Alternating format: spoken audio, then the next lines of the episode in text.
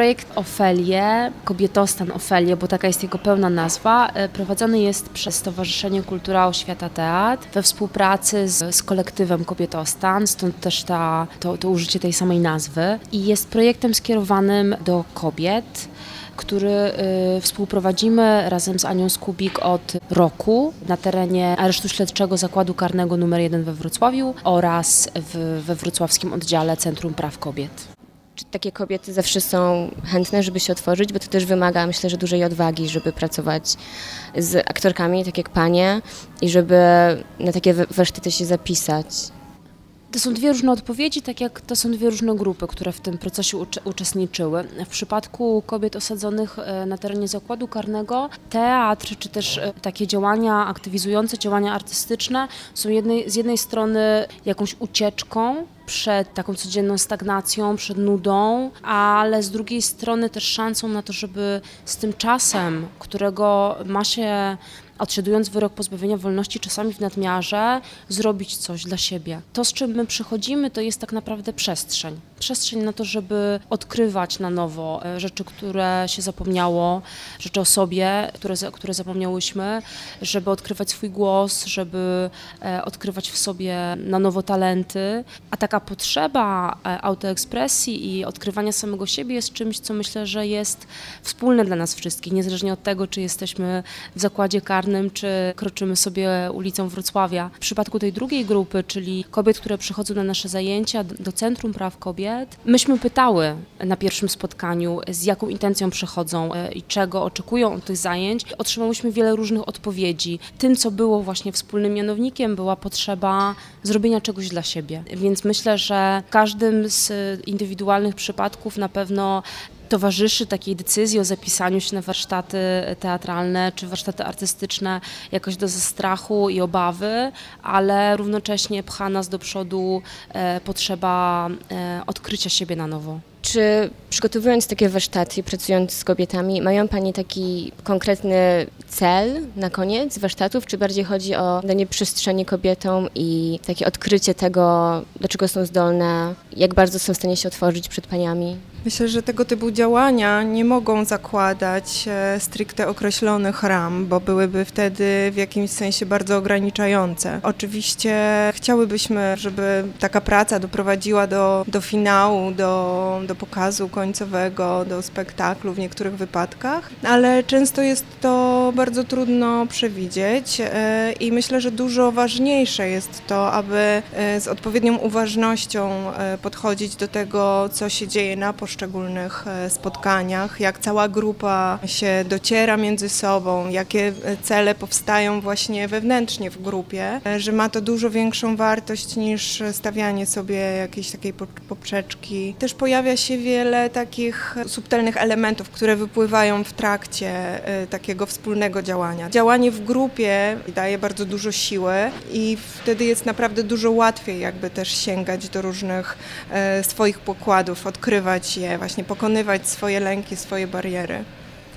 A jak wasze doświadczenie aktorskie wpływa na te warsztaty? To znaczy wyobrażam sobie, że to jest zupełnie inny sposób pracy, właśnie kiedy nie macie takiego celu konkretnego, kiedy to chodzi o taką podróż wewnętrzną kobiet, z, z, którymi pracujecie. Czy to jest duża różnica między warsztatami teatralnymi takimi dla aktorów, z aktorami? Myślę, że tak. Myślę, że bardzo duża różnica z tego prostego względu, że my nie próbujemy nauczyć y, aktorstwa że my nie, nie to stawiamy sobie za cel, żeby prawić naszą, naszą dykcję i naszą zdolność ekspresji czy interpretacji tekstu, ale żeby właśnie poprzez wykorzystanie narzędzi teatralnych czy narzędzi aktorskich odkryć lepiej siebie, zbadać lepiej siebie, nauczyć się siebie na nowo. Więc wykorzystujemy narzędzia takie jak praca z głosem, ale w sposób bardzo intuicyjny. Uczymy się e, śpiewać w grupie, nie od strony technicznej, tylko od takiej strony spontanicznej, od y, strony improwizacji. Pracujemy z tekstem i nagrywamy te teksty, które piszemy, ale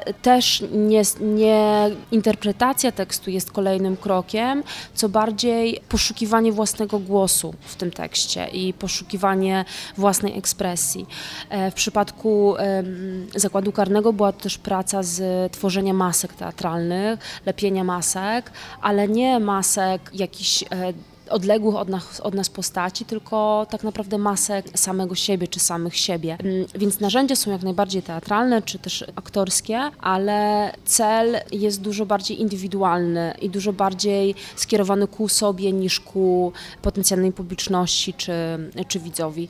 Ja myślę, że my obie, ja i Ania, jeżeli mogę mówić w naszym wspólnym imieniu, mamy ze sobą tak różnorodne doświadczenia, nie tylko stricte aktorskie w takim repertuarowym wymiarze teatru, ale dużo właśnie doświadczeń projektowych, dużo, dużo doświadczeń na pograniczu teatru, które pozwalają nam tym teatrem się bawić i, i, wykorzystywać e, je jako narzędzie do rozmowy z drugim człowiekiem, do jakiejś zmiany, do ingerowania w naszą rzeczywistość wspólną.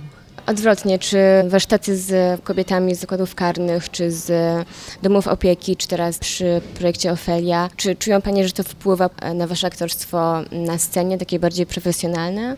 Ja myślę, że każdy rodzaj pracy z drugim człowiekiem nas wzbogaca. Zauważyłabym tutaj takie dochodzenie do jakiejś też swojej autentyczności. Szkoła aktorska i techniki pracy aktorskiej są gdzieś momentami wbrew właśnie intuicji, wbrew e, pewnej osobowości. Jest nawet coś takiego jak wypracowywanie roli, czyli kontrast, pójście pod prąd. Jeśli ktoś jest z natury delikatny, to żeby wręcz z dużą siłą czy energią próbował kreować rolę. I to jest bardzo wymagające i to jest potrzebne w teatrze, natomiast ta praca, na której my się skupiamy, ona jest bardziej swobodna i skierowana do, do tego, czego osobiście szukamy. Ale na pewno, wracając do zadanego pytania, wszystkie te działania nas również rozwijają.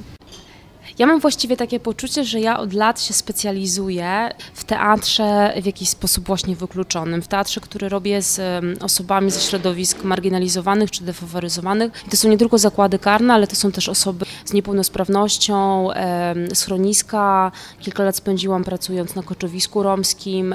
Robienie teatru w takich miejscach tak bardzo zbliża mnie do prawdy, też prawdy scenicznej, że mam wrażenie, że mam coraz mniejszą w sobie zgodę na fałsz w teatrze. Jestem na niego ogromnie wyczulona i tak jak ja nie mogę zmusić osoby niepełnosprawnej, dajmy na to zespołem Downa, żeby na scenie robiła coś, czego nie chce robić, tak muszę się uczyć w każdym z tych procesów takiej pracy z człowiekiem i takiej, takiej formy reżyserii, która nie jest wbrew temu człowiekowi, która nie jest jakiś sposób wymagająca, ale która e, rozszerza możliwości i która każe sięgać dalej. I to jest dla mnie tak fascynujące, że zupełnie już nie ciągnie mnie w stronę tradycyjnego teatru. Mam wrażenie, że takim teatrem prawdziwych ludzi bardzo dużo mogę powiedzieć o społeczeństwie i mówiąc dużo o społeczeństwie, mogę dużo w społeczeństwie zmienić. A co się z tym też wiąże, to kiedy ja wychodzę na scenę, to mam w sobie takie same poczucie odpowiedzialności, że ja muszę tą samą prawdę unieść i udźwignąć. Więc dużo rzadziej wychodzę na scenę. A kiedy wychodzę, to myślę, że jestem naznaczona spotkaniem i pracą z tymi wszystkimi ludźmi. I chciałabym móc być na scenie tak prawdziwa jak oni. Widzisz siebie bardziej jako aktorka, czy bardziej jako reżyserka i aktywistka artystyczno-społeczna? Ja 6 lat mieszkałam w Szkocji i tam to było bardzo proste, bo jak się ktoś mnie pytał, kim jestem, to ja zawsze mogłam odpowiedzieć, że ja jestem theater maker, ponieważ y, funkcjonuje takie, takie pojęcie zawodu, jak bez rozgraniczania na to, czym się dokładnie zajmuję. Ja myślę, że to, co teraz robię, jest moją odpowiedzią na to, czym dla mnie jest teatr i jaką funkcję może zajmować społeczną. I to mnie pociąga, to mnie fascynuje, to mnie kręci. Ja chcę robić teatr, który mówi o rzeczach ważnych i obecnie znajduję go w takiej, a nie innej formie, gdzie jednego dnia jestem reżyserką, drugiego jestem aktorką, a trzeciego piszę wnioski, a czwartego je muszę rozliczyć i, i zaprowadzić pełną księgowość. I to jest super, więc odpowiadam na twoje pytanie, że ja nie jestem ani jednym, ani drugim, tylko ja jestem theater maker. A wracając do, do samych Ofeli, dlaczego tekst Szekspira i czy to jest tylko takie luźne nawiązanie do, do, do Hamleta, czy ono jest czy mocno ciągnięcie ten, ten wątek i ten motyw w pokazie? Kilka lat temu zostałam zaproszona na festiwal do Brazylii i miałam okazję tam poznać niezwykłą kobietę, która od wielu lat się zajmuje badaniem twórczości Szekspira ze szczególnym jakby naciskiem na postaci kobiece. To jest Lucia Sander i uczestniczyłam w kilku jej wykładach dotyczących właśnie tych przeprowadzonych badań, jak także miałam okazję zobaczyć jej spektakl oparty właśnie na E, motywie Ofelii szekspirowskiej. I niezwykle mnie to urzekło pod tym kątem, że ona jakby łamie wszelkiego rodzaju zasady, które wprowadzał Szekspir, czyli to, że kobiety nie miały swojego głosu, kobiety nie miały e, prawa podejmowania żadnych decyzji, były zależne albo od władcy, albo od ojca, albo od męża. I ona w swojej pracy jakby przekracza te granice, sprowadza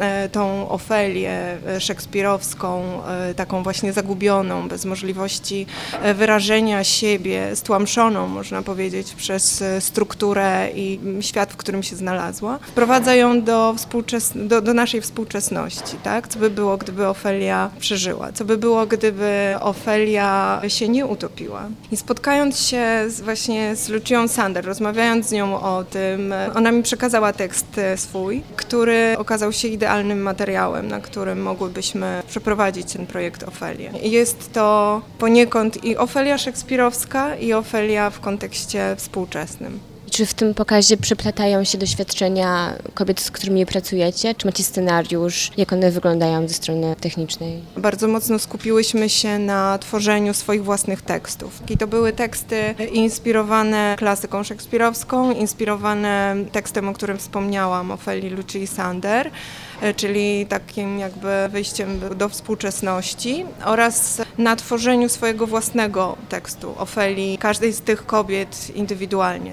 obrazu, jak również głosu. Pracowałyście z kobietami, które są w jakiś sposób przez społeczeństwo może wypchnięte albo zmarginalizowane i wyobrażam sobie, że dla takich kobiet one często może żyją w przekonaniu, że ich punkt widzenia jest mało istotny. Jak tworzycie atmosferę na swoich warsztatach, żeby one poczuły się na tyle otwarte i na tyle bezpieczne, żeby dzielić się swoimi doświadczeniami i, i otworzyć się na, na pracę z Wami? To nie jest tak, że naszym pierwszym celem, czy naszą pierwszą potrzebą, kiedy, kiedy wchodzimy na salę warsztatową, jest rozmowa, czy jest takie otwieranie na poziomie dzielenia się historią. My przychodzimy po to początkowo, żeby sobie wspólnie ponucić, żeby wspólnie coś zaśpiewać, żeby przeczytać wspólnie jakiś tekst. Te rozmowy są czymś, co się dzieje naturalnie i spontanicznie. Ten projekt, on ma takie dwutorowe tak naprawdę zwieńczenie w tym roku. To, co zrobiłyśmy w zakładzie karnym, e, będzie film e, autorstwa Miry Boczniowicz, który zostanie już niebawem opublikowany i on jest takim podsumowaniem tego procesu pracy w zakładzie karnym. Natomiast pokaz Ofeli jest pokazem pracy tej grupy warsztatowej w Centrum Praw Kobiet i to jest grupa bardzo zróżnicowana. To są kobiety zarówno, e, które dowiedziały się o tych warsztatach poprzez Centrum Praw Kobiet, być może były klientkami tego miejsca, jak i kobiet, które dowiedziały się z Facebooka o tym, że zapisy do tej grupy są otwarte. I to jest fascynujące, że ta bardzo zróżnicowana y, grupa kobieca natychmiast znalazła jakiś wspólny język. Ja mam wrażenie, że myśmy z Anią bardzo mało musiały tam moderować tak zwany team building, czyli budowanie zespołowości, bo ono się działo naturalnie i spontanicznie i bardzo szybko, wychodząc z potrzeby tych kobiet, spędzenia wspólnego czasu w kobiecym gronie, odważenia się na coś nowego. One wszystkie na tych pierwszych warsztatach mówiły o tym, że nie lubią swojego głosu, że, że się wstydzą, że one nigdy nic nie robiły w teatrze. A tymczasem, jak zobaczycie Państwo już niebawem, każda jedna z nich mam wrażenie, że jest jakimś w ogóle scenicznym demonem i że mają w sobie całą masę odwagi.